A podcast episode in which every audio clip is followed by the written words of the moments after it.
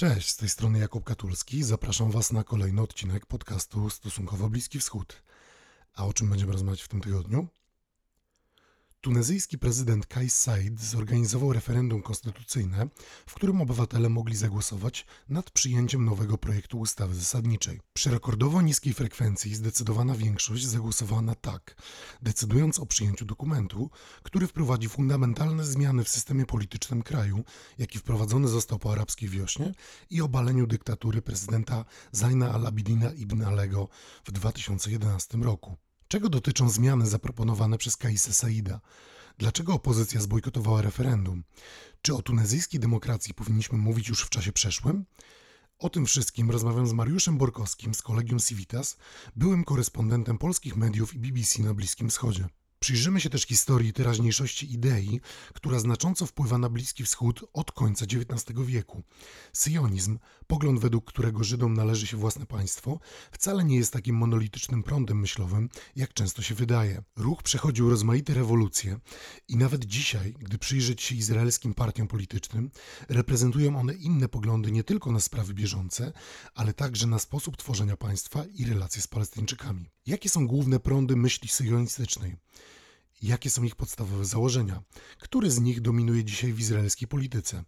O tym rozmawiam z doktorem Dominikiem Flisiakiem, autorem książek, badaczem relacji polsko-żydowskich i żydowskiej myśli politycznej. A w językowym bałaganie łączymy się z Michałem Czechowskim, żeby porozmawiać o języku judeo-arabskim, którym w średniowieczu władała większość społeczności żydowskiej. Czy powinniśmy mówić o jednym języku, czy raczej o jego dialektach?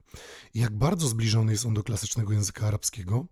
Dlaczego dzisiaj tak niewielu Żydów się nim posługuje? Tego dowiecie się słuchając podcastu do końca. Stosunkowo Bliski Wschód to podcast wspierany przez słuchaczy za pośrednictwem patronite.pl. To właśnie dzięki Waszej pomocy mogę trzymać rękę na pulsie i co tydzień przyglądać się wydarzeniom na Bliskim Wschodzie wraz z zaproszonymi gośćmi. Serdecznie Wam za to dziękuję. A teraz posłuchajmy, co się dzieje w Tunezji. Dzień dobry, panie redaktorze, bardzo dziękuję, że znalazł pan czas na rozmowę. Dzień dobry, witam. 25 lipca w Tunezji odbyło się zaproponowane przez prezydenta Kaisa Saida referendum, w którym obywatele mogli zadecydować nad przyjęciem nowej konstytucji. Z wielu powodów to referendum było kontrowersyjne, między innymi dlatego, że zaplanowane zostało w czasie, w którym prezydent od roku rządzi już krajem za pomocą dekretów po zawieszeniu parlamentu i dymisji poprzedniego rządu.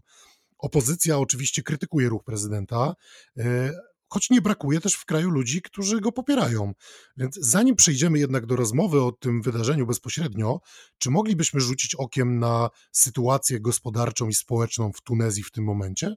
No, sytuacja jest niesłychanie trudna i zresztą prezydent, który został wybrany w 19 roku, 2019 roku pod hasłami no, takiego populizmu, naprawy gospodarki, poprawienia bytu, zahamowania inflacji, krótko mówiąc dobrobytu i sprawiedliwości nie dawał sobie z tym rady z wielu powodów. Pierwszym powodem tak naprawdę prawdziwym, to było to, że on jest prawnikiem, konstytucjonalistą, nigdy nie sprawował żadnych funkcji rządowych, nie ma pojęcia o polityce, nie ma pojęcia o ekonomii. To jest pierwsza sprawa. Drugą to było to, że parlament, który został raz z nim wybrany w 19 roku, był niesłychanie skłócony między Ennahdą, to są ugrupowania islamskie, które rządziły na początku zaraz po tej rewolucji jaśminowej w 2011 roku. Powiązane z Bractwem Muzułmańskim tak zresztą. Tak jest, tylko że łagodniejsze aniżeli w Egipcie. Oni mają znacznie mniej radykalny program. Ale część społeczeństwa y, tunezyjskiego obawiała się pewnych elementów w programie Ennahdy, które by sprawiło, żeby wrócili do bardzo ostrego przestrzegania szariatu, czyli e, prawa islamskiego religijnego.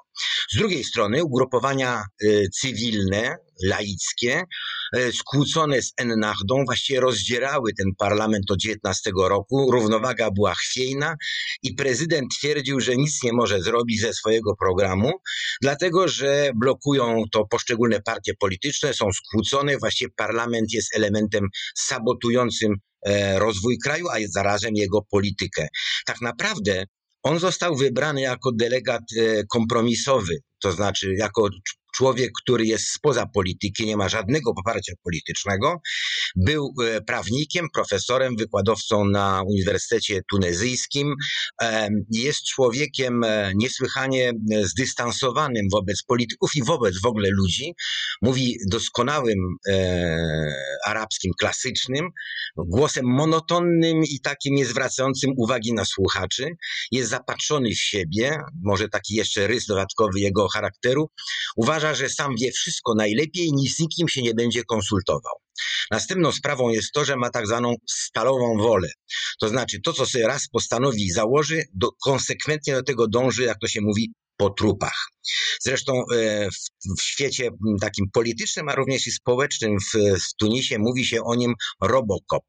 No, ponieważ on tak naprawdę jest zdystansowany, zamknięty, e, właściwie uważa wszystkich, no, że są intelektualnie mniej sprawni niż on, to doprowadziło nie tylko do konfliktu z parlamentem na tle politycznym, ale również dwukrotnej wymiany premiera, których sam powoływał, a potem uznał za niezdolnych do prowadzenia władzy. Co więcej, mówimy teraz o tej projekcie konstytucji, który został no, zatwierdzony referendum, e, ten projekt konstytucji został na początku, on powierzył swoim kolegom, konstytucjonalistom, e, żeby napisali ten projekt. Mieli na to 8 tygodni, no po czym kiedy ten projekt trafił na jego biurko, on zaczął poprawiać go, jak to się mówi, e, nanosić własne poprawki, radykalnie zmieniając e, treść tego, tego, tego projektu i następnie e, to spowodowało, że właściwie wszyscy uczestnicy, czyli którzy uczestniczyli w tym kolegium redakcyjnym tejże konstytucji, odcięli się od tego, twierdząc, że nie, ma, nie chcą mieć nic wspólnego z tym projektem. Ten projekt mówiąc bardzo krótko, jeszcze wrócę do sytuacji gospodarczej, e, daje maksimum uprawnień, to jest ultraprezydencka władza. Ale teraz wrócę jeszcze do tego pytania pańskiego, jeśli chodzi o gospodarkę. No sytuacja jest tragiczna, bo z jednej strony mieliśmy e, epidemię COVID-u, z którą administracja, jeśli tak można powiedzieć, prezydencka zupełnie nie poradziła w Tunezji. Mamy sytuację gospodarczą, która się stale od 19 roku pogarsza i na tym tle zresztą od rewolucji 11 roku co, co 3-4 lata dochodzi stale do strajków, zaburzeń, protestów, e, inflacja galopuje. E, zadłużenie e, kraju wynosi obecnie 100% rocznego dochodu narodowego. No bezrobocie wśród młodzieży to jest 40%. Firmy się zamykają, zagraniczne firmy nie bardzo chcą e, przychodzić, no bo sytuacja jest niepewna.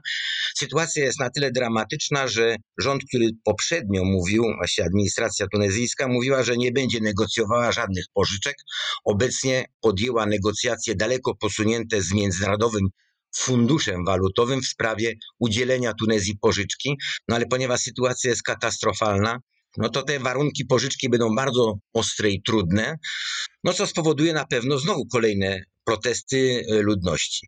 Trzeba pamiętać też, że sytuacja, no, e, konflikt e, Ukraina-Rosja powoduje, że Tunezja, która sporo importowała zboża, stoi w obliczu podwyżek cen nie tylko samego zboża jako takiego, ale w ogóle wszystkich cen żywności, no co z kolei znowu będzie powodowało no, silne wzburzenie, zwłaszcza na prowincji. Jeszcze musimy o jednej rzeczy pamiętać, to jest to, że w Tunezji e, bezrobocie wśród młodych to oznacza nie tyle bezrobocie, również bezrobocie wśród ludzi, którzy mają niskie kwalifikacje, ale w Tunezji jest bardzo dobrze rozwinięte szkolnictwo, nie tylko średnie, ale również i wyższe.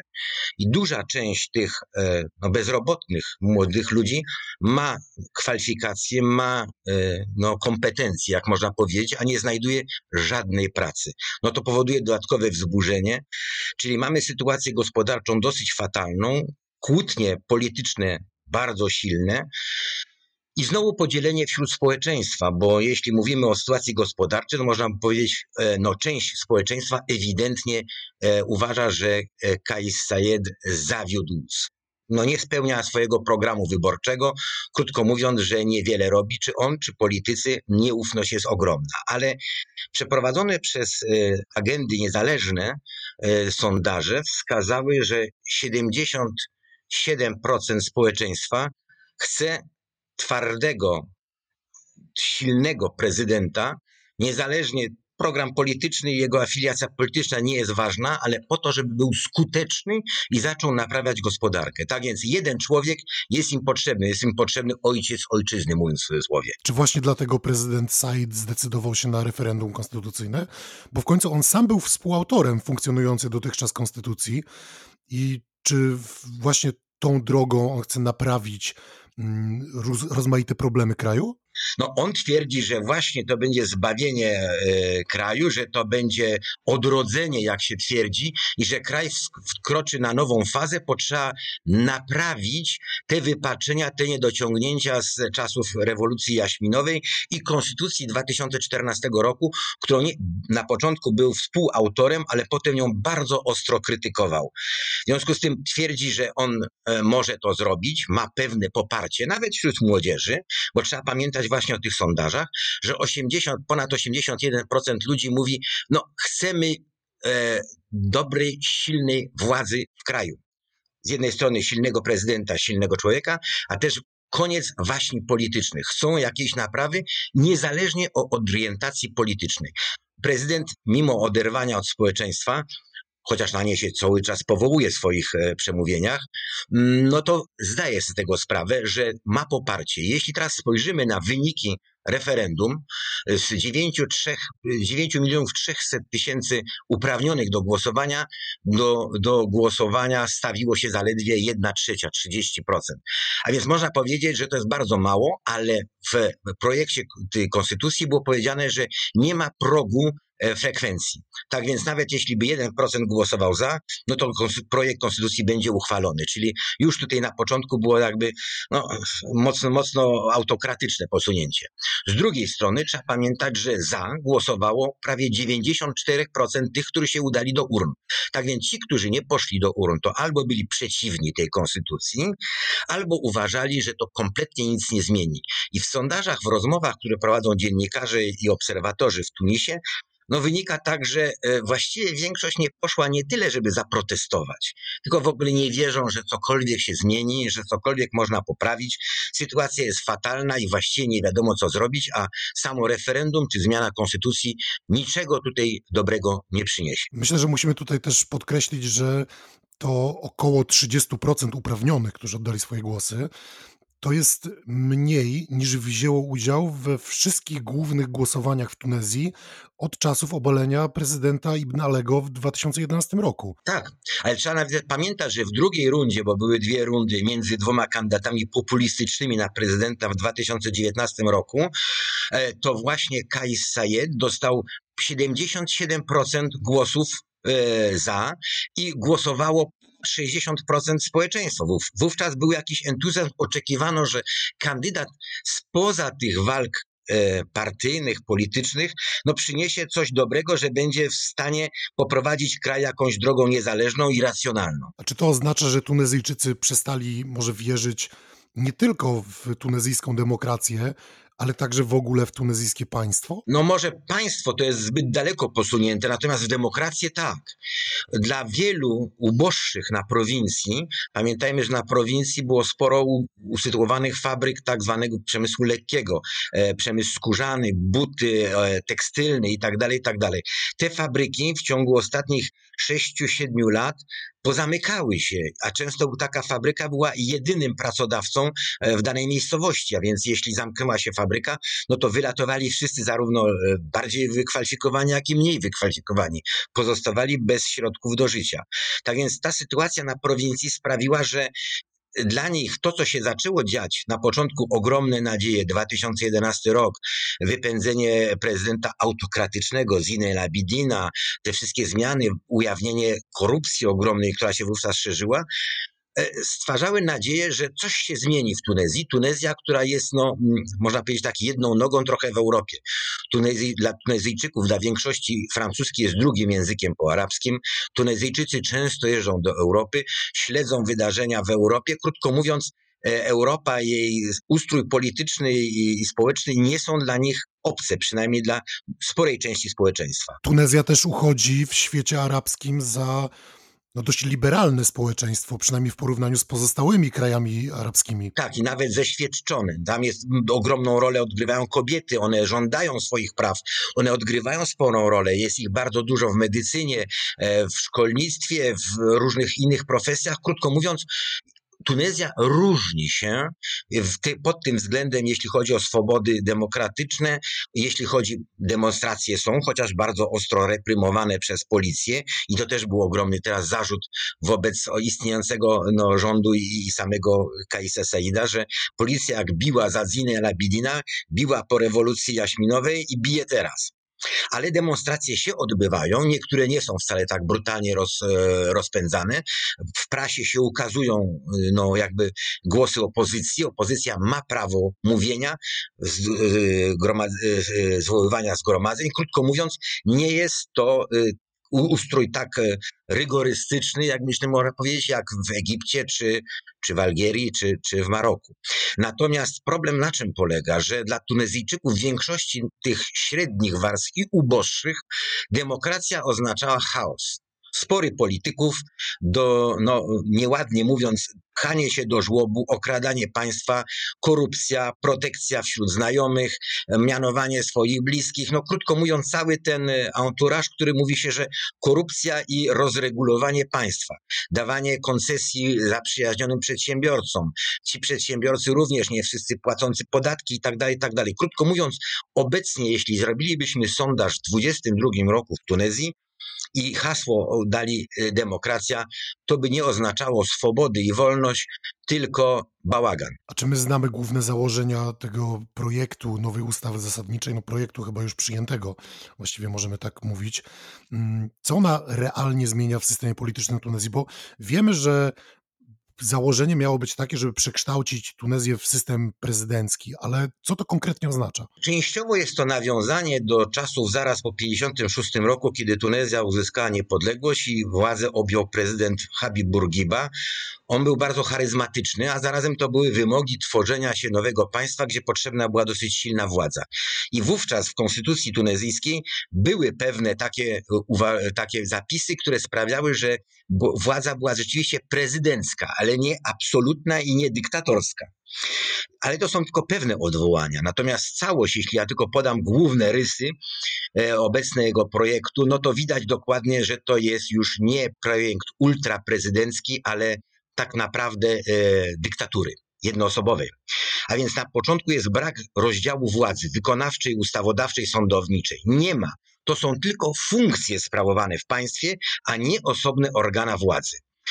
Po drugie, rząd może uczestniczyć w pracach parlamentu nie jako y, petent czy też y, przesłuchiwany, ale jako praktycznie pełnoprawny uczestnik, tak jak parlamentarzysta. Rząd odwoływany jest przez prezydenta niezależnie od parlamentu. Prezydent może powołać rząd, odwołać rząd, z tego się w ogóle nie tłumaczy. On jest powoływany dekretem. Rząd nie odpowiada przed parlamentem. Sędziowie wszystkich organów, również e, organu konstytucyjnego, sąd, e, sąd Trybunału Konstytucyjnego, są powoływani przez prezydenta de facto, chociaż teoretycznie można zgłaszać w parlamencie i e, kandydatury, ale te kandydatury są rozpatrywane przez prezydenta i on bez żadnego tłumaczenia mianuje tych sędziów, którzy nie mają mieć prawa żadnej afiliacji politycznej i również mogą być odwołani, jak to się w ciągu godziny tym sędziom nie wolno protestować, wyrażać jakichkolwiek innych własnych opinii. Oni są po prostu jakby tymi kółkami w tej maszynie. Cywile do tej pory musieli być sądzeni przed sądami cywilnymi, teraz przed sądy wojskowe, a więc praktycznie samowładza. Stan wyjątkowy może być wprowadzany przez prezydenta i nie podlega żadnej kontroli przez Trybunał Konstytucyjny.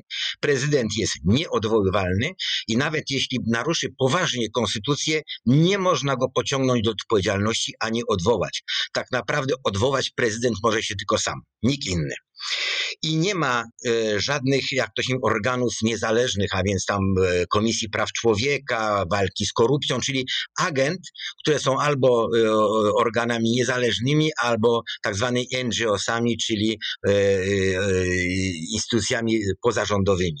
Tych tych funkcjonowania tych, tych, tych, tych, tych instytucji nie ma zapisanych w konstytucji, a więc de facto nie mogą działać.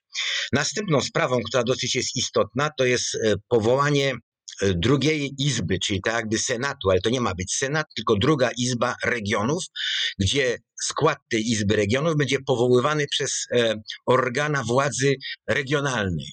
A więc tak naprawdę to znowu będą nominacje praktycznie wychodzące z ręki, z ręki prezydenta. To są główne zarysy tej, tejże konstytucji. Jeszcze jeden jest bardzo istotny rys, który ma jakby dwoi, dwoiste oblicze. Z jednej strony on y, zapis mówi o religii, o islamie. Do tej pory mówiło się, że y, Tunezja jest państwem islamu i islam jest religią obowiązującą.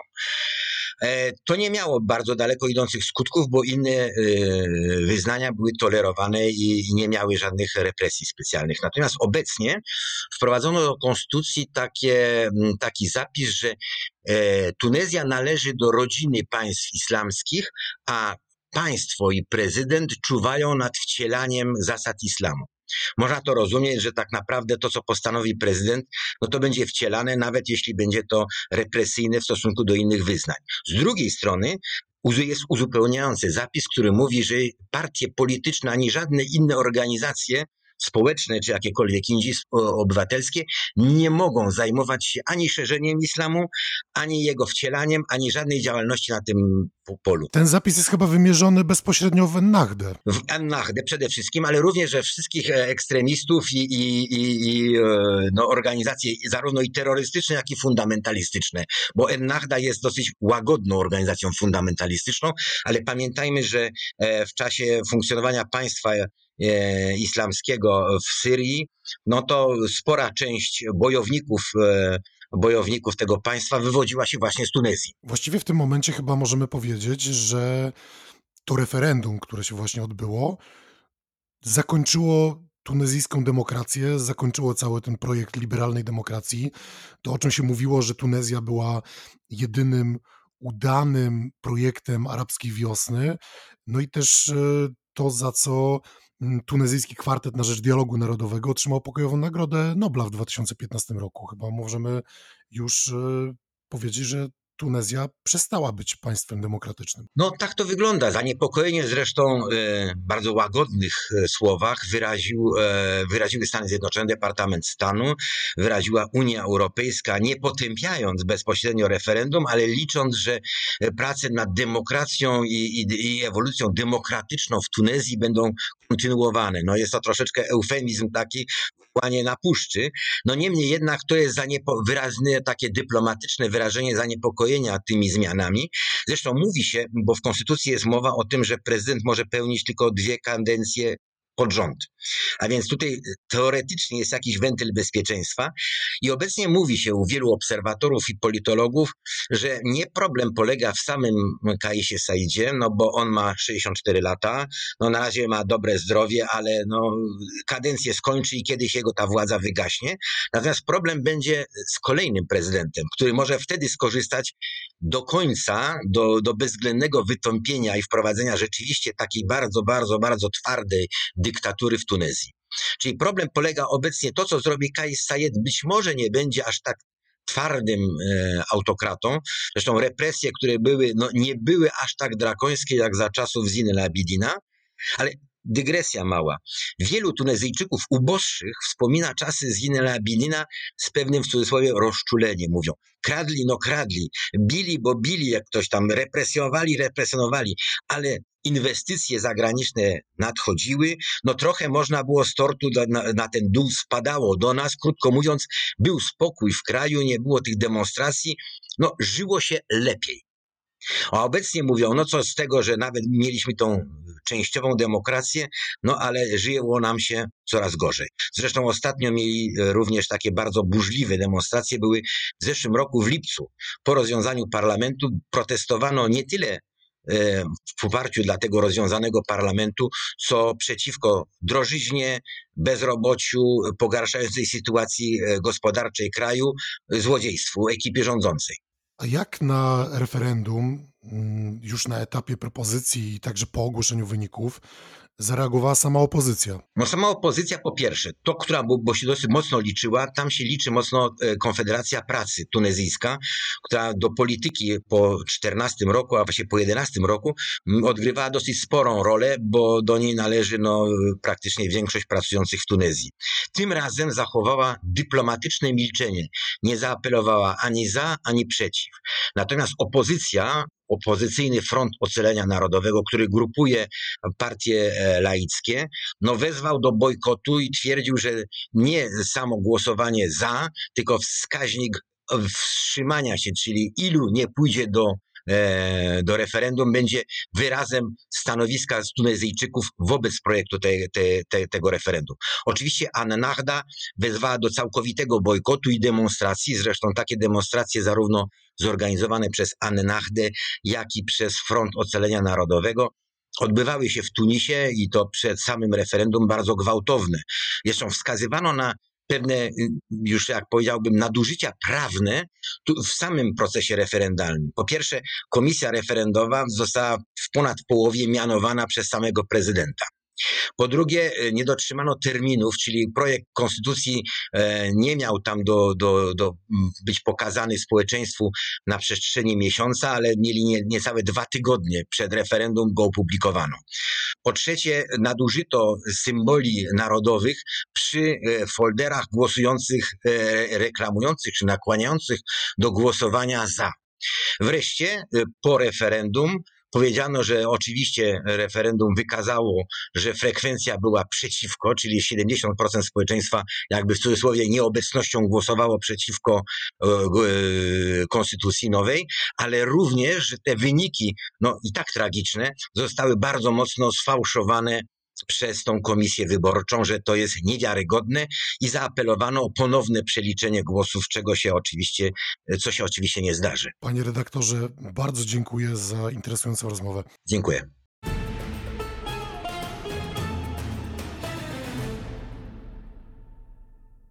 Moim gościem był Mariusz Borkowski z Kolegium Civitas. A rozmowy takie jak ta i następne, które usłyszycie, nie mogłyby się odbyć, gdyby nie wsparcie moich patronek i patronów z patronite.pl. Bo to dzięki Wam stale rozwija się podcast Stosunkowo Bliski Wschód, stale rozwija się strona internetowa i pojawiają się materiały w mediach społecznościowych. A jeśli jeszcze nie wspieracie podcastu Stosunkowo Bliski Wschód, to zachęcam, żebyście weszli na patronite.pl. Tam możecie zdecydować, czy i jaką kwotą mnie wesprzeć. Za wszystkie wpłaty bardzo dziękuję. A teraz zapraszam Was do wysłuchania rozmowy o syjonizmie. Dzień dobry, panie doktorze, bardzo dziękuję, że znalazł pan czas na rozmowę. E, dzień dobry. E, bardzo dziękuję Panie Jakubie za możliwość e, rozmowy. Dzisiaj będziemy rozmawiać o prądach myśli syjonistycznej e, przed powstaniem Izraela i po powstaniu Izraela. Będziemy rozmawiać o syjonizmie, o, też o nacjonalizmie izraelskim. I myślę, że warto byłoby rozpocząć od takiej, od takiego określenia, jakie są główne prądy w myśli sionistycznej? E, należy wymienić y, trzy główne prądy. Przede wszystkim związany z prawicą, choć z różnymi odłamami prawicy, z centrum oraz z różnymi formami centrolewicy oraz lewicy. I w tym y, należy wskazać, w ujęciu historycznym, że na prawo od centrum y, obecne były ugrupowania związane z E, z centroprawicą religijno-sionistyczną oraz sioniści rewizjoniści, czyli zwolennicy Żabotyńskiego. Centrum sionistyczne to e, ogólni sioniści oraz partia progresywna, a w przypadku centrolewicy i lewicy to m.in. partia Hiragnut, czy ruch Hashomer Hatzair. Czy tych prądów jest cały wachlarz? A czy dzisiaj któryś z tych prądów moglibyśmy określić jako dominujący? Przede wszystkim sądzę, że może nie do, dominujący, ale silną pozycję ma y, partia Likud, y, która powstała w, w połowie lat 70. XX wieku. Y, partia Likud, no, której przewodzi Benjamin Netanyahu, no jest związana z centroprawicową i prawicową wizją sionizmu. Należy także wskazać, że wśród centrowych i lewicowych sionistów jest obecna idea tak zwanego postsyjonizmu, która powstała w pierwszej połowie lat 90. ubiegłego wieku na fali porozumienia w Oslo między państwem żydowskim a Organizacją Wyzwolenia Palestyny Yassira Arafata. A gdybyśmy mieli tak z, skompresować naszą wiedzę, to jakie są główne różnice między tymi trzema prądami, o których dzisiaj rozmawiamy? E, w przypadku różnych form e, prawicy sionistycznej, e, to w przypadku, oczywiście mówiąc w ujęciu historycznym, patrząc na partię Mizrahi, była to partia centroprawicowa, która łączyła sionizm, czyli ruch no, mający na celu otworzenia państwa żydowskiego z religią. To znaczy partia Mizrahi była partią religijną, która właśnie wiązała sionizm z judaizmem. W przypadku sionistów rewizjonistów, którzy reprezentowali najbardziej prawicową wizję odtworzenia idei, otworzenia państwa żydowskiego, no to oni reprezentowali, mieli pomysł taki na państwo żydowskie, które miało obejmować tereny na wschód i na zachód od rzeki Jordan, czyli dzisiejszy Izrael, autonomia palestyńska i dzisiejsza Jordania.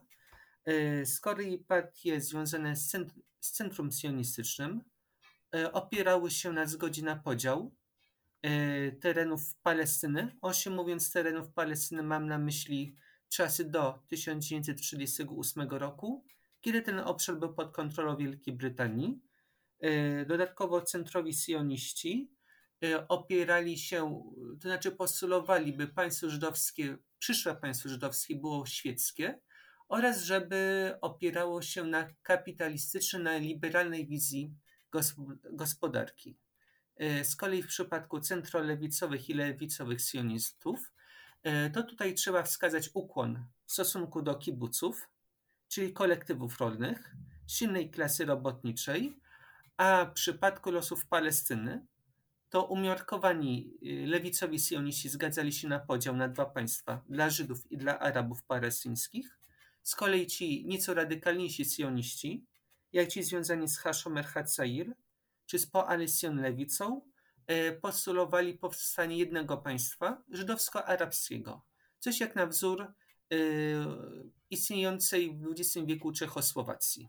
Kiedy Izrael powstawał w 1948 i krótko, krótko przed jego powstaniem, krótko po powstaniu, zdaje się, że izraelską politykę zdominowała właśnie ta centrolewicowa czy lewicowa myśl syjonistyczna. Czy to jest, czy to jest poprawna konkluzja z historii Izraela, czy też e, może jest ona błędna? E, na pewno w pewnym sensie jest prawdziwa, ponieważ rzeczywiście.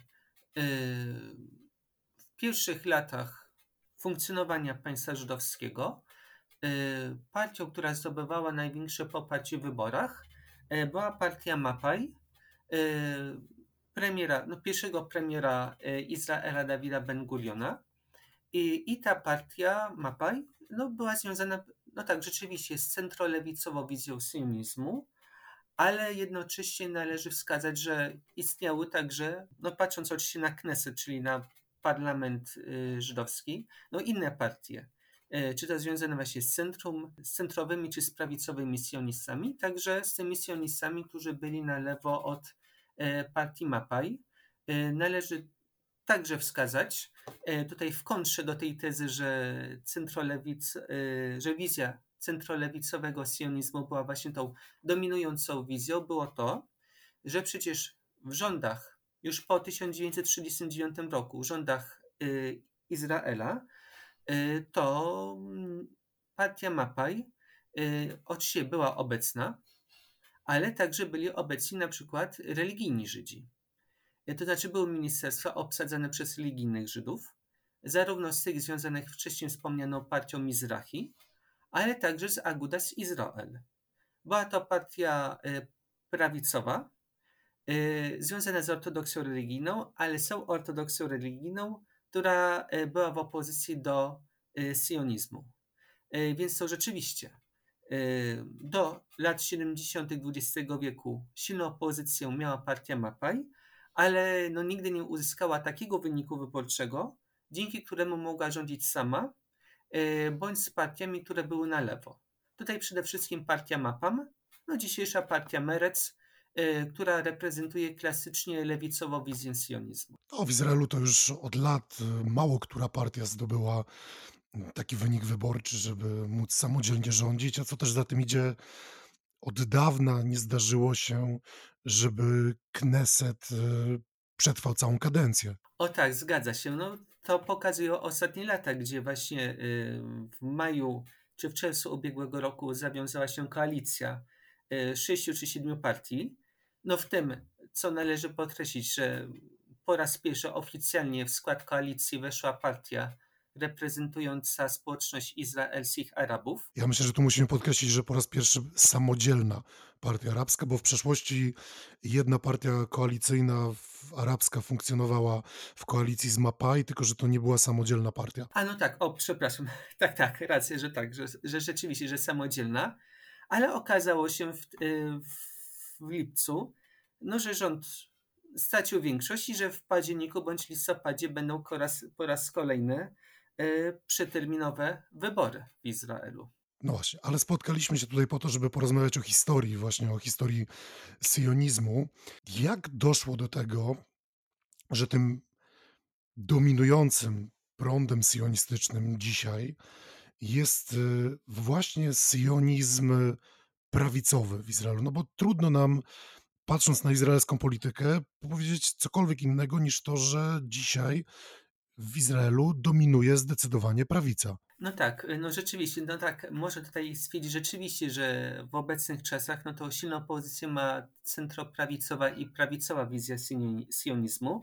No powodów zapewne było kilka. No przede wszystkim sam fakt, że każda idea, w tym także no idea związana z centrolewicową czy lewicową wizją sionizmu, no ma swój okres, no kiedy jest bardzo popularna, ale potem no, następuje schyłek. Y, no to e, widać doskonale to na przykładzie y, wyborów do Knesetu z lat 80. czy 90., czy także po roku 2000. Y, następną kwestią jest to, co zdarzyło się w 1967 roku, to znaczy wojna sześciodniowa, no, w wyniku której no, Izrael no, zagrożony agresją ze strony swoich arabskich sąsiadów dokonał wyprzedzającego ataku, y, w wyniku którego zajął strefę Gazy i Synaj kosztem Egiptu, y, wschodnią Jerozolimę i zachodnim brzeg Jordanu kosztem y, Jordanii i wzgórza Goran kosztem Syrii. To zwycięstwo doprowadziło do konsolidacji sił na prawo od centrum. I to właśnie kilka lat po wojnie sześciodniowej, powstała wcześniej wspomniana partia Likud. Oczywiście patrząc na, na wybory po 60, bodajże 69, y, to one przyniosły zwycięstwo partii Mapam, Mapaj. Y, ale już tutaj te siły na prawo od centrum zdobywały ogromne poparcie. A to było związane z tym, no przede wszystkim wielkie zwycięstwo Izraela nad swoimi sąsiadami, no i także wśród niektórych sionistów pojawiły się postulaty, by te tereny zdobyte w wyniku wojny sześciodniowej przyłączyć y, bezpośrednio do państwa żydowskiego. Te postulaty funkcjonują do dzisiaj w izraelskiej polityce. Często to słyszymy ze strony izraelskich polityków, no przede wszystkim prawicowych, kiedy zapowiadają aneksję zachodniego brzegu bądź jego części, ale wydaje mi się, że w dużej mierze też do klęski tego mm, centrolewicowego czy lewicowego projektu sionistycznego przyjęła, przyłożyła się no niemalże klęska w wojnie Jom Kippur w 1973 roku, kiedy w pierwszych dniach wojny no, Izrael był bliski przegranej. Tak, rzeczywiście. Można przyjąć to, że wojna w Jom Kippur no tak, no, mogła się do tego. No,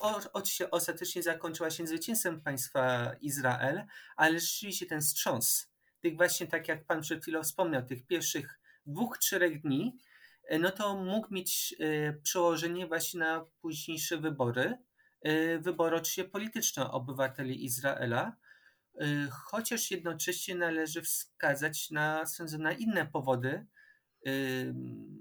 właśnie zmierzchu partii Mapaj, no to przede wszystkim y, kwestia rozmów pokojowych. No, pierwsze państwo arabskie, które uznało Izrael, to Egipt. I to kiedy to się stało? No, gdy premierem Izraela był Menachem Begin. No, pierwszy premier związany z prawicą izraelską. Y, Jordania, drugie państwo dopiero w 1994 roku.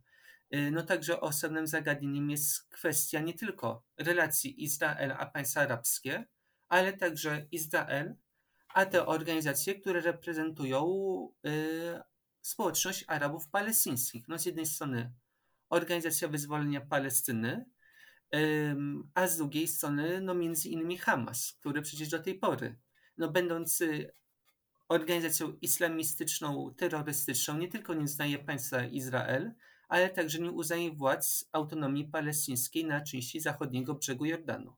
To jak doszło do tego, że prawica izraelska, no w ogóle prawica na świecie kojarzy się nam raczej z nacjonalizmem, który powiedzmy w mainstreamie politycznym czy w mainstreamie publicystycznym no jest kojarzony mm, negatywnie. No, trochę inaczej na to patrzy oczywiście politologia czy historia, e, ale nacjonalizm trochę stał się mm, chłopcem do bicia i takim terminem, mm, workiem, do którego wrzucamy pewne negatywne zachowania, często jest y, kojarzony tożsamie z y, szowinizmem. Y, więc jeżeli spojrzymy na izraelską prawicę i weźmiemy pod uwagę ten bagaż, że, że kojarzy nam się ona raczej z nacjonalizmem, choć moglibyśmy też dyskutować o tym, czy sionizm w ogóle nie jest prądem myśli nacjonalistycznej, to dlaczego akurat te prawicowe partie izraelskie dążą, może nie tyle dążą do ustępstw, co one doprowadzają do podpisywania traktatów pokojowych z kolejnymi państwami arabskimi, ale z drugiej strony nie doprowadzają do realnych, do realnej poprawy relacji z Palestyńczykami. W tym przypadku kontekście właśnie prawicowego sionizmu, a właśnie to, co Pan ujął, właśnie traktatów pokojowych no, z innymi państwami arabskimi, ale braku postępów w procesie pokojowym z Arabami palestyńskimi, no to sądzę, że tutaj warto wskazać w przypadku pierwszego traktatu pokojowego, yy, czyli Izrael e i Egipt, na rolę Stanów Zjednoczonych. Gdzie to właśnie Stany Zjednoczone były no, swoistym pośrednikiem kontaktach między Izraelem a ówczesnymi władzami Egiptu. No to sądzę, że tutaj warto wskazać właśnie na to, na to, że Stany Zjednoczone, a czy działalność Stanów Zjednoczonych no, przyniosła wymierne korzyści. Y, z kolei patrząc na relacje z przedstawicielami władzami autonomii palestyńskiej, no to tutaj sądzę, że wa y, warto wskazać na wyjątek. To znaczy na pozytywny wyjątek decyzji z 2005 roku Ariela Sharona, o wycofaniu osiedli żydowskich ze strefy gazy.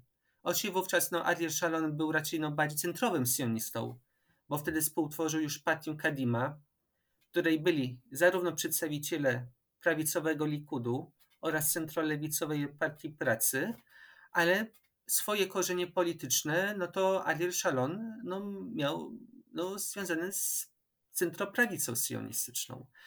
Y, a w przypadku tego, co Pan wskazał w swoim pytaniu.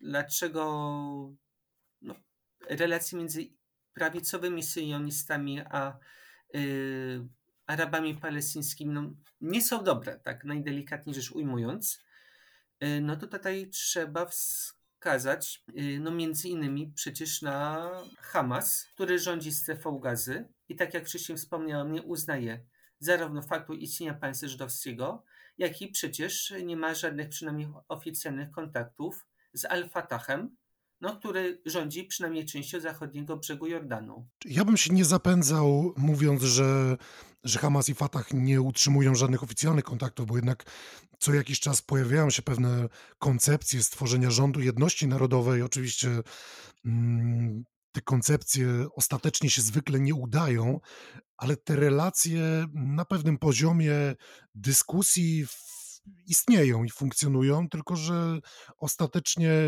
nie dochodzi do pewnego rodzaju pojednania. No tak, no, żeby po prostu mówić jednym głosem, to znaczy wtedy, kiedy głosy są rozdrobnione, oczywiście mówiąc o sytuacji międzynarodowej, jeżeli dany naród no, nie potrafi jasno określić swoich celów, no to trudno, żeby odnosić jakieś wymierne sukcesy.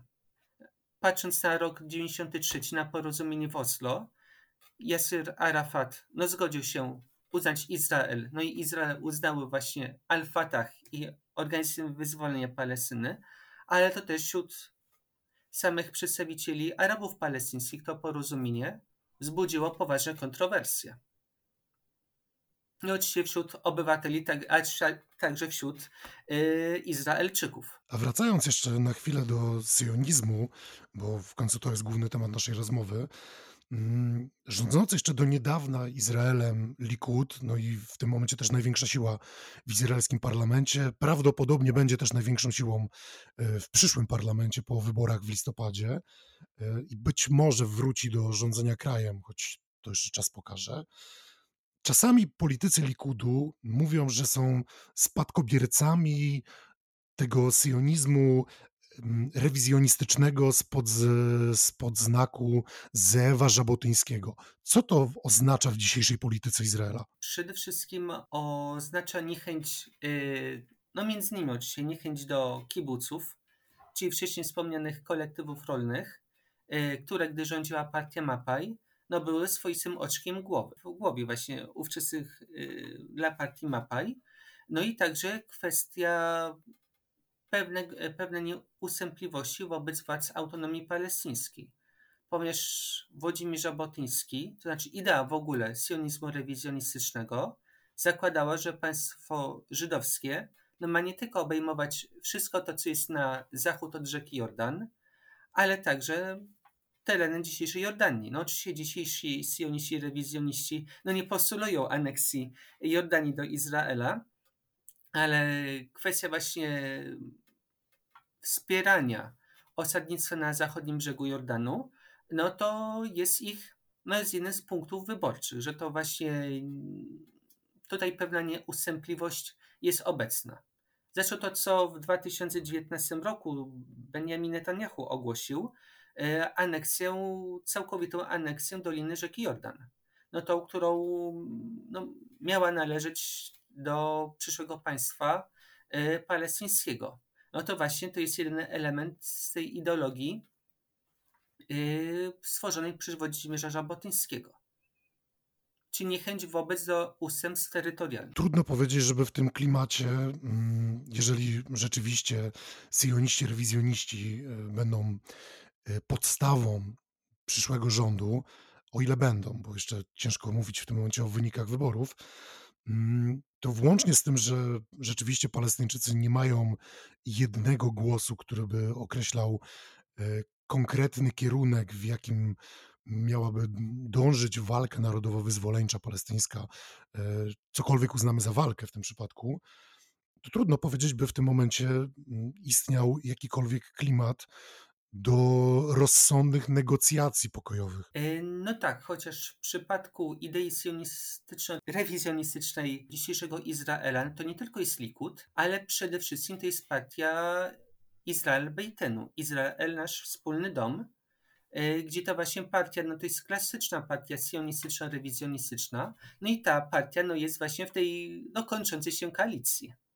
Że to właśnie nie tylko partia Likud, no, która jest swoistym konglomeratem różnych idei prawicowego i centroprawicowego sionizmu, ale także właśnie partia Izrael Bejtenu. Myślę, że do tej grupy partii powinniśmy też zaliczyć partię Jamina, w której przewodniczącym jeszcze do niedawna był e, Naftali Bennett, premier, który parę tygodni temu e, podał się do dymisji i przekazał fotel swojemu koalicyjnemu koledze Jairowi Lapidowi. E, no i o ile Jamina jest dość interesującą partią, bo z jednej strony jest partią sionistyczną, ale w pewnym sensie jest ona też partią religijną, mimo że do tej grupy tak bezpośrednio się nie zalicza. O tak, rzeczywiście to jest y, dosyć y, no, ciekawe połączenie to właśnie prawicowego sionizmu, który w swoich założeniach y, nie był religijny, a tutaj właśnie połączenie częściowo właśnie prawicy i silnego właśnie połączenia Izraela, sionizmu z, z religią. No to rzeczywiście, no to to jest ciekawy przypadek do zbadania później dla politologów, właśnie kazus partii Jamina. A w przypadku tego, co pan wskazał przed paroma minutami, to właśnie kwestia rozmów pokojowych, no trzeba by się zastanowić, czy w pewnym sensie nie należy wrócić do tego, co postulowała część y, lewicowych sionistów. To znaczy do stworzenia jednego państwa yy, żydowsko-arabskiego. Mówiąc tym, no to mam na myśli Izrael i autonomię palestyńską, która byłaby osobnym państwem, yy, osobnym organizmem. I to trzeba by zapytać, czy to mogłoby powstać na bazie federacji czy konfederacji, gdzie właśnie obydwa organizmy no, miałyby po prostu wspólnie y, działać. Rzeczywiście można się zastanawiać, czy jest to rozsądne rozwiązanie mm, trwającego konfliktu, no bo dzisiaj trudno jest powiedzieć o tym, by było możliwe rzeczywiste rozwiązanie dwupaństwowe. Dzisiaj sytuacja polityczna y, w Izraelu i w Palestynie wygląda tak, że trudno by dzisiaj na zachodnim brzegu powstało niepodległe państwo palestyńskie, które byłoby w stanie funkcjonować samodzielnie ze względu na terytorium, jakie pozostało tak naprawdę Palestyńczykom. No a z drugiej strony mamy niechęć do tego ze strony licznych Izraelczyków. I mówię tutaj nie tylko o politykach, ale także o przeciętnych Izraelczykach, którzy zapytani na ulicy, z pewnością wielu z nich odpowiedziałoby, że nie chciałoby mieć za granicą kolejnego państwa palestyńskiego, jeżeli weźmiemy pod uwagę to, że Gaza tak naprawdę jest e, pewnym rodzajem państwa. O tak, racja. I to patrząc, no przede wszystkim kto rządzi strefą gazy, no to rzeczywiście może to budzić poważne kontrowersje. Zwłaszcza w przypadku tego, że Izrael, w Izraelu jest wolność słowa, nawet y, kwestia nawet równouprawnienia kobiet i mężczyzn, czy także społeczności LGBTK+. No w strefie gazy no, jest to niemożliwe przy obecnych rządzących. Jeszcze tak na koniec chciałbym się przyjrzeć yy, pewnej kwestii. Czy my możemy powiedzieć, że syjonizm jest niczym innym, jak po prostu rodzajem żydowskiego nacjonalizmu bez, nie obarczając tego nacjonalizmu mm, tym całym bagażem i nie wrzucając go do jednego worka z szowinizmem czy ksenofobią, tylko patrząc z punktu widzenia takiego czystego, czystej idei nacjonalistycznej. No ja się z tym tak za bardzo nie mogę zgodzić, ponieważ y, patrząc pod kątem swoich badań naukowych, no to ja bardziej twierdzę, że sionizm no, jest pewnym ruchem odrodzenia narodowego żydowskiego, a nie nacjonalizmem. A dlaczego? Ponieważ no, patrząc na XX czy nawet XXI wiek, y, no to nacjonalizm y, sytuował się, idee nacjonalistyczne sytuowały się zazwyczaj po prawej stronie życia politycznego, a sionizm y, to, co wspomniałem na samym początku, no, wśród sionistów były i nadal są obecne różne odłamy. Od skrajnej prawicy po skrajnej lewicy, więc to no, nijak się ma do tego, że sionizm jest yy, sam w sobie nacjonalizm, no bo nacjonalizm zakłada, że jest bezpośrednio po prawej scenie życia politycznego.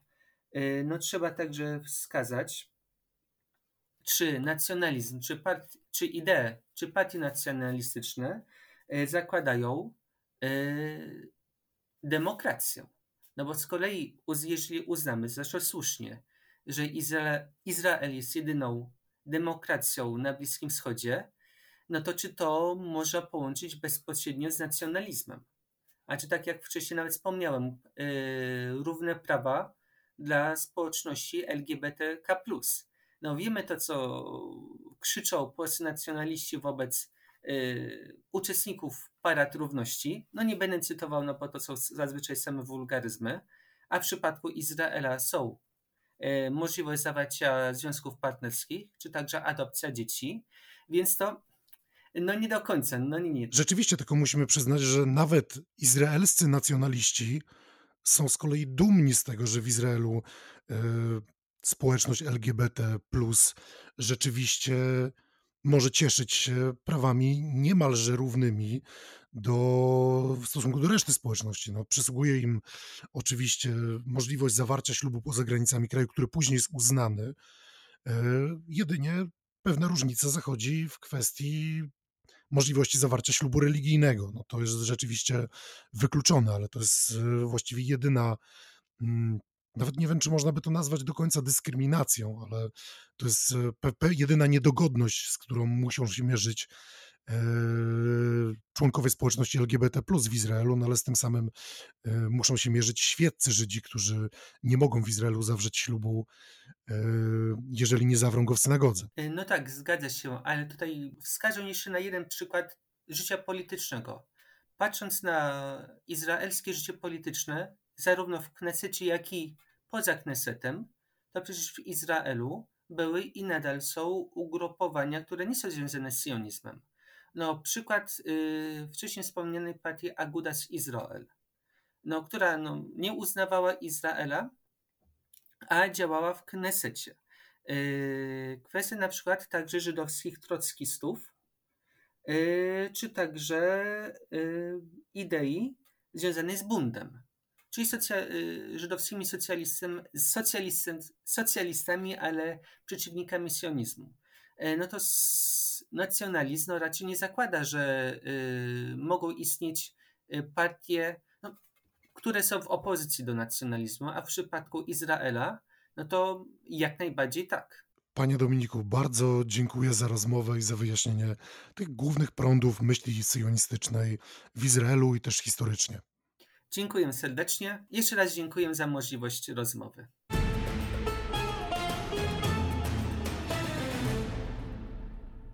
Rozmawiał ze mną dr Dominik Flisiak, autor takich książek jak Sioniści, rewizjoniści w powojennej Polsce oraz wybrane materiały ideologiczne i propagandowe syjonistyczno-socjalistycznej partii robotniczej po Alej Syjon Hit Ahdud.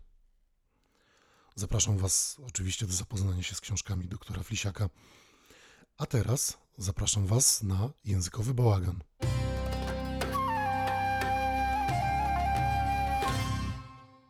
Cześć Michale, witam Cię ponownie w językowym bałaganie. Cześć Jakubie, miło mi Cię słyszeć. Dzisiaj mamy temat o tyle istotny, że w Polsce praktycznie nieznany, bo będziemy rozmawiać o dialektach judeoarabskich, czyli dialektach może się ze mną tutaj nie zgodzisz, ale ja pozwolę sobie mówić trochę w czasie przeszłym.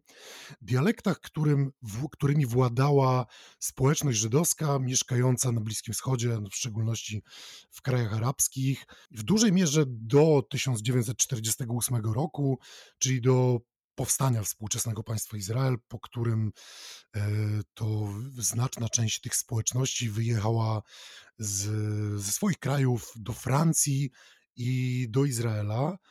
No i w Izraelu i Francji te języki, te dialekty zaczęły zamierać, ustępować miejsca właśnie hebrajskiemu i francuskiemu. Tak, nie mam powodu absolutnie, żeby się z Tobą nie zgadzać w kwestii tego, co powiedziałeś. E, w zasadzie wszystko, co e, wszystko, co przed chwilą powiedziałeś i, i, i, i, cały wstęp, który, który zrobiłeś do tego tematu, no ja myślę bardzo podobnie. E, faktycznie, gdzie e, ten, ten język judeoarabski on z czasem zanikał, no a taką już e, takim głównym powodem we współczesnych czasach, no to było właśnie powstanie państwa Izrael i no i wyjazdy po prostu Żydów z różnych zakątków świata do, do, do, do Izraela, gdzie, gdzie też była, no można powiedzieć, taki, taka presja była nałożona na, na, na tych ludzi, którzy przyjeżdżali do, do Izraela i, i, i którzy już tam zakładali rodziny i, i budowali nowe życie jakby od, od samego początku. Była taka presja, żeby jednak rezygnować z tych, z tych języków, z którymi oni przyjechali, na rzecz e, współczesnego hebrajskiego. No nie język hebrajski był takim trzonem, mm, czy miał być trzonem. E, wiadomo, że to się udało, e, no ale my już wiemy jakby w roku 2022 jak to, e, jak to wygląda. Natomiast ten eksperyment, nazwijmy to, on się udał no to, i no nie byłoby to możliwe, powiedzmy, gdyby nie, mm, gdyby nie ta presja, żeby po prostu rezygnować ze swoich języków, z którymi się przyjeżdżało e, na rzecz e, właśnie hebrajskiego. A cofnijmy się teraz na chwilę do, do podstaw, bo jeżeli mówimy tutaj o języku judeo-arabskim czy o dialektach judeo-arabskich, to musimy chyba powiedzieć, czym one są, czy też czym jest ten język, bo z informacji, które ja posiadam, wynika, że jeszcze w czasach średniowiecza judeo-arabski był bardzo zbliżony do klasycznego arabskiego, zapisywanego alfabetem hebrajskim. Czy to się zgadza? Można tak powiedzieć. Rzeczywiście tutaj e, na ten temat są e, pewnego rodzaju spory i, i, i, dysputy, e, czy język judeoarabski to jest, to, jest język, to jest faktycznie język, czy to jest, tak jak mówisz, zbiór, zbiór dialektów, bo jeżeli jest to zbiór dialektów, to czy istnieje, to czy istnieje jakiś standard tego języka, no bo przecież Żydzi byli w zasadzie w wielu miejscach na świecie, także, także w krajach także w krajach arabskich, więc e, no jak wiadomo, nawet w krajach arabskich, nawet wewnątrz e, osób arabskojęzycznych, powiedzmy, też istnieją różnego rodzaju dialekty i to właściwie po kilka, a nawet często nie można tego zliczyć, bo, bo nie jest to tak, tak, takie proste w, w obrębie, obrębie jednego tylko państwa. Więc faktycznie jakby mówi się czy, czy wysuwa się, wysuwa się taką tezę, że, że, że język arabski, czy język judeoarabski, przepraszam, jest taką właśnie takim zbiorem dialektów, że każdy właśnie, każda społeczność żydowska, e, która zamieszkiwała dany kraj, e, mówiła, mówiła swoim e, dialektem.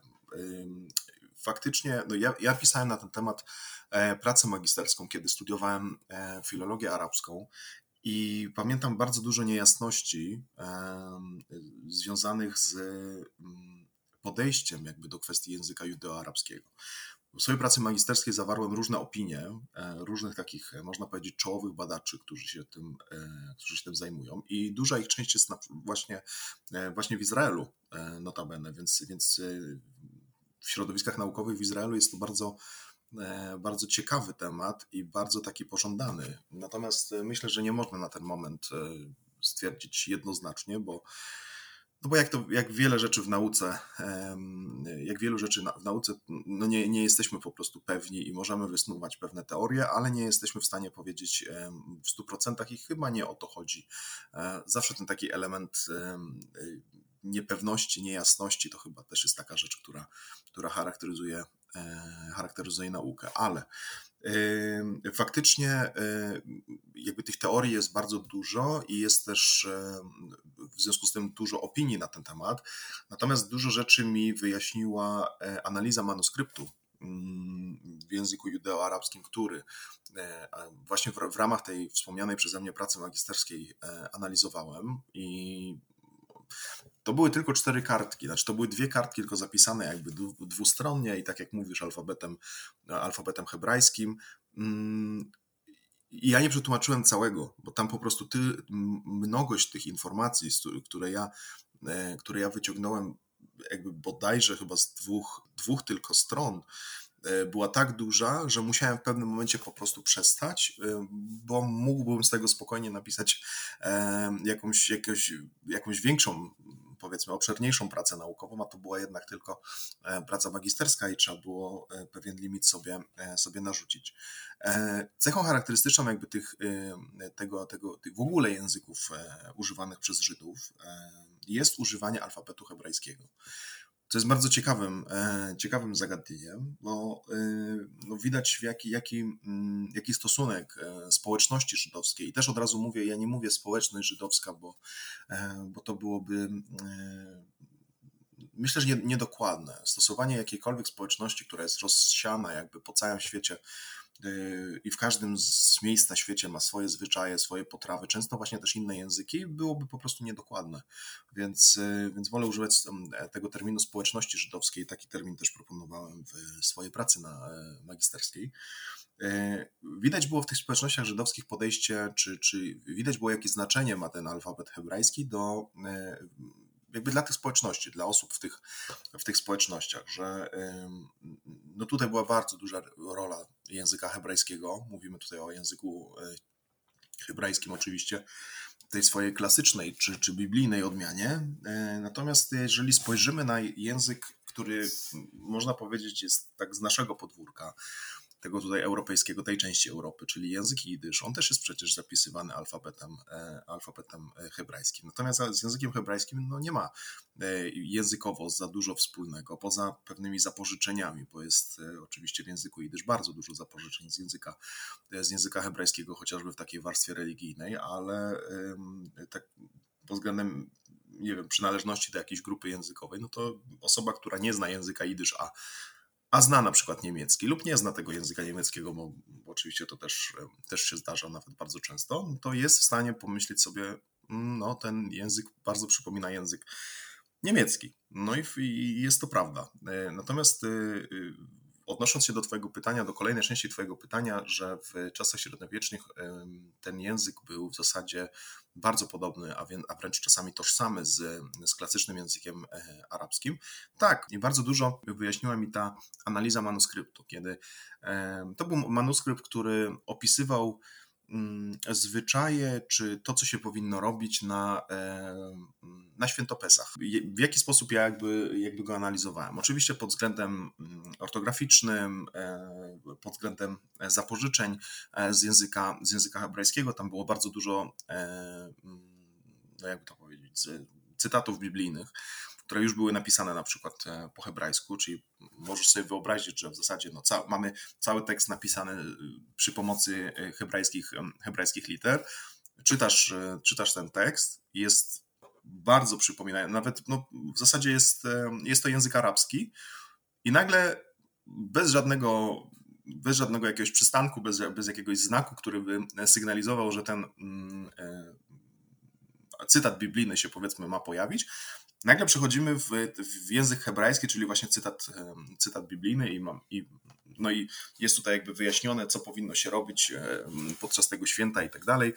E, tam było bardzo dużo rzeczy zresztą do, które powychodziły w trakcie tego, e, w trakcie tego, tej analizy i one były w ogóle bardzo, bardzo ciekawe, to co tam powychodziło z, tego, z, tej, z tej właśnie analizy. Natomiast potem częścią tej pracy było, żeby przetranskrybować jakby ten, e, czy transliterować e, to, co się pojawia literami e, hebrajskimi na litery, na litery arabskie. Więc ten tekst dla kogoś, kto jakby dostałby tą formę już stransliterowaną na, na, na, litery, na litery arabskie, no to już byłby z, w większości zrozumiały. Oczywiście tutaj pojawiają się, pojawia się dużo, e, dużo zapożyczeń z języka hebrajskiego, no bo to tak musi być po prostu, bo w każdym języku żydowskim, a mamy ich naprawdę multum, e, pojawiają się elementy z języka hebrajskiego, no bo to był najważniejszy język dla, dla każdej społeczności żydowskiej. Ponieważ święte księgi i święte teksty były po prostu napisane w języku hebrajskim,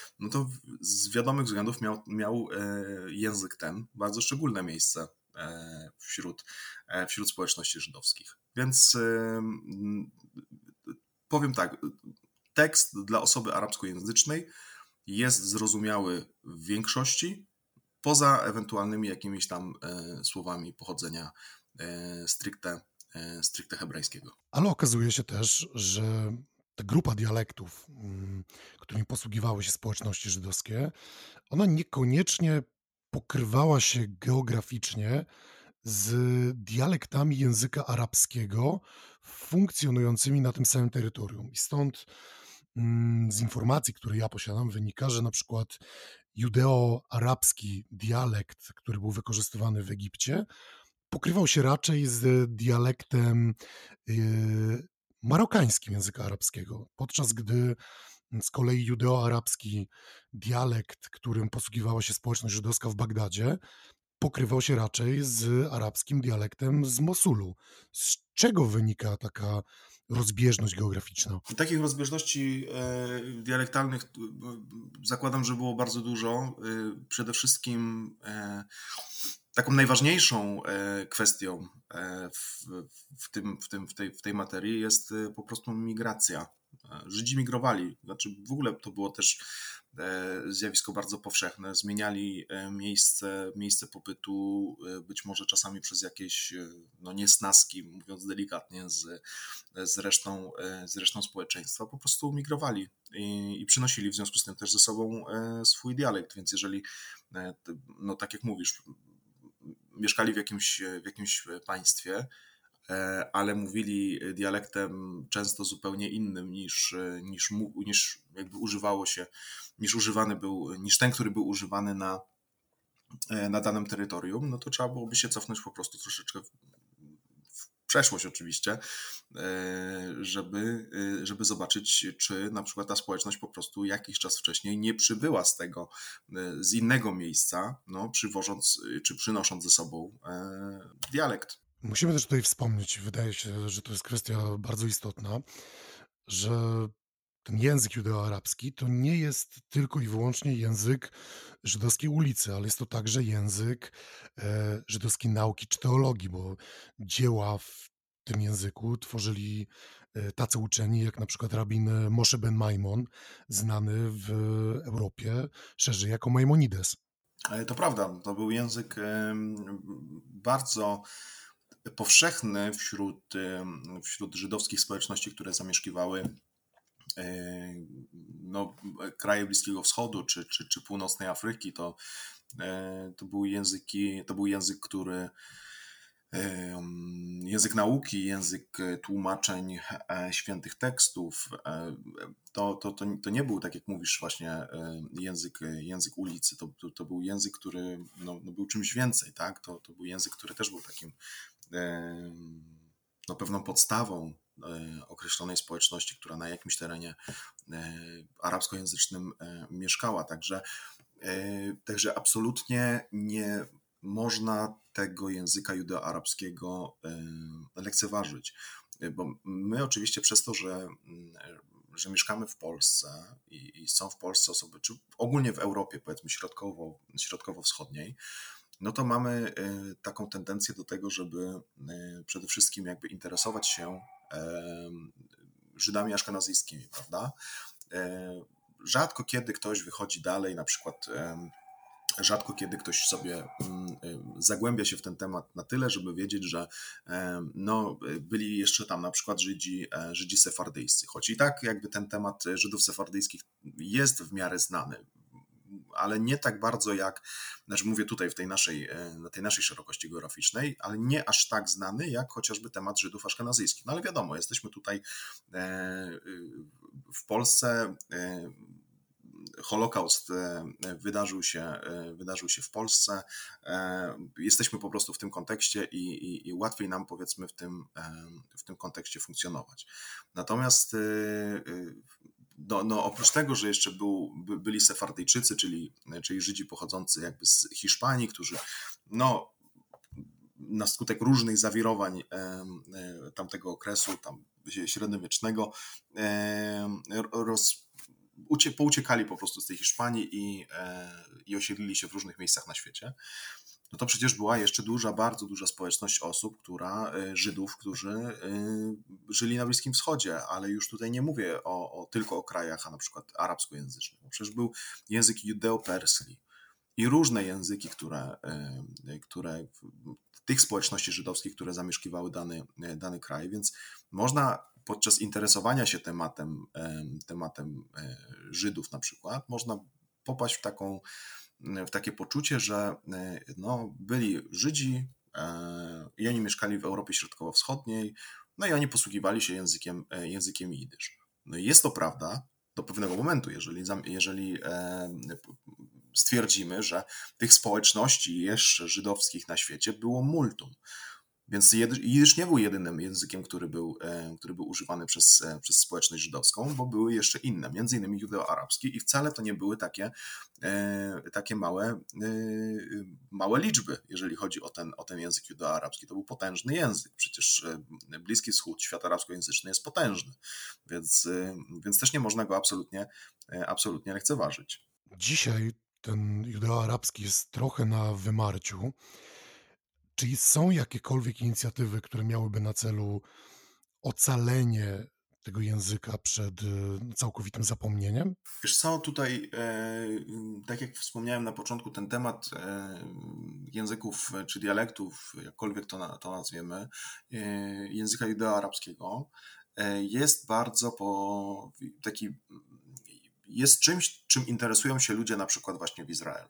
To znaczy, no, jest to temat dosyć znany i też nie chciałbym tutaj pójść za daleko, że on jest znany powiedzmy przez wszystkich powiedzmy Izraelczyków na, e, w, w, w, Izraelu, ale jest grupa badaczy, którzy cały czas jakby tym się zajmują. Kiedyś słyszałem o takiej próbie reaktywowania powiedzmy języka judeo, e, judeoarabskiego, ale w, w postaci dialektu marokańskiego na przykład, nie? że były jakieś tam zajęcia językowe, że chodzili e, na nie Żydzi pochodzenia marokańskiego właśnie mieszkający w Izraelu i, i, i że to podobno był hit, ale jakby ja chyba nie wszedłem aż tak w ten temat i nie wiem jak, te, jak losy takich e, takich kursów się, e, się potoczyły. E, co ciekawe, kiedyś będąc na e, chyba jakieś 3,5 roku temu byłem na konferencji w Dubaju i, i przedstawiając, jakby wygłaszając swój referat na temat języka, na temat języka judeo-arabskiego, byłem w jednym panelu z panią z Iraku, która, panią profesor, e, która e, też przedstawiała e, swój referat na temat języka judeoarabskiego używanego wśród społeczności irackiej. Także nawet w krajach arabskich jest to, jest to temat no, może nie powszechny, ale jest to temat, którym się, którym się zajmują naukowcy, więc no, może za jakiś czas język ten, czy, czy, czy kwestia tego języka będzie troszeczkę bardziej znana. E, być może ogólnie my, czy osoby, które się interesują poniekąd tym, e, tym tematem, też dla nas będzie troszeczkę więcej informacji. No i może ta kwestia po prostu zacznie się z czasem stawać coraz bardziej jasna. Ja też mam nadzieję, że udało nam się zaciekawić naszych słuchaczy kwestią języka judeoarabskiego i zachęcić oczywiście do pogłębienia własnej wiedzy. Dziękuję Ci za rozmowę. Ja również dziękuję e, i do usłyszenia, mam nadzieję, za tydzień. Jeśli podoba się Wam to, co robimy wspólnie z Michałem z Językowym Bałaganie, Zachęcam Was, żebyście postawili Michałowi kawę. Żeby to zrobić, musicie wejść na buycoffee.to ukośnik Ismael. No i tam możecie zastanowić się, jaką kawę Michałowi postawić. Może być to espresso, może być cappuccino, może być latte, a może być kawa po arabsku. I to wszystko w tym tygodniu w podcaście Stosunkowo Bliski Wschód. Mam nadzieję, że wiele z niego wynieśliście. Pamiętajcie, żeby pisać do mnie maile na kontakt małpa stosunkowo bliski wschód.pl. Możecie do mnie pisać na Facebooku, na Instagramie z wszelkimi uwagami, sugestiami, pytaniami, pomysłami. No i w podcaście nie słyszymy się niestety za tydzień, ale usłyszymy się za dwa tygodnie. Do usłyszenia.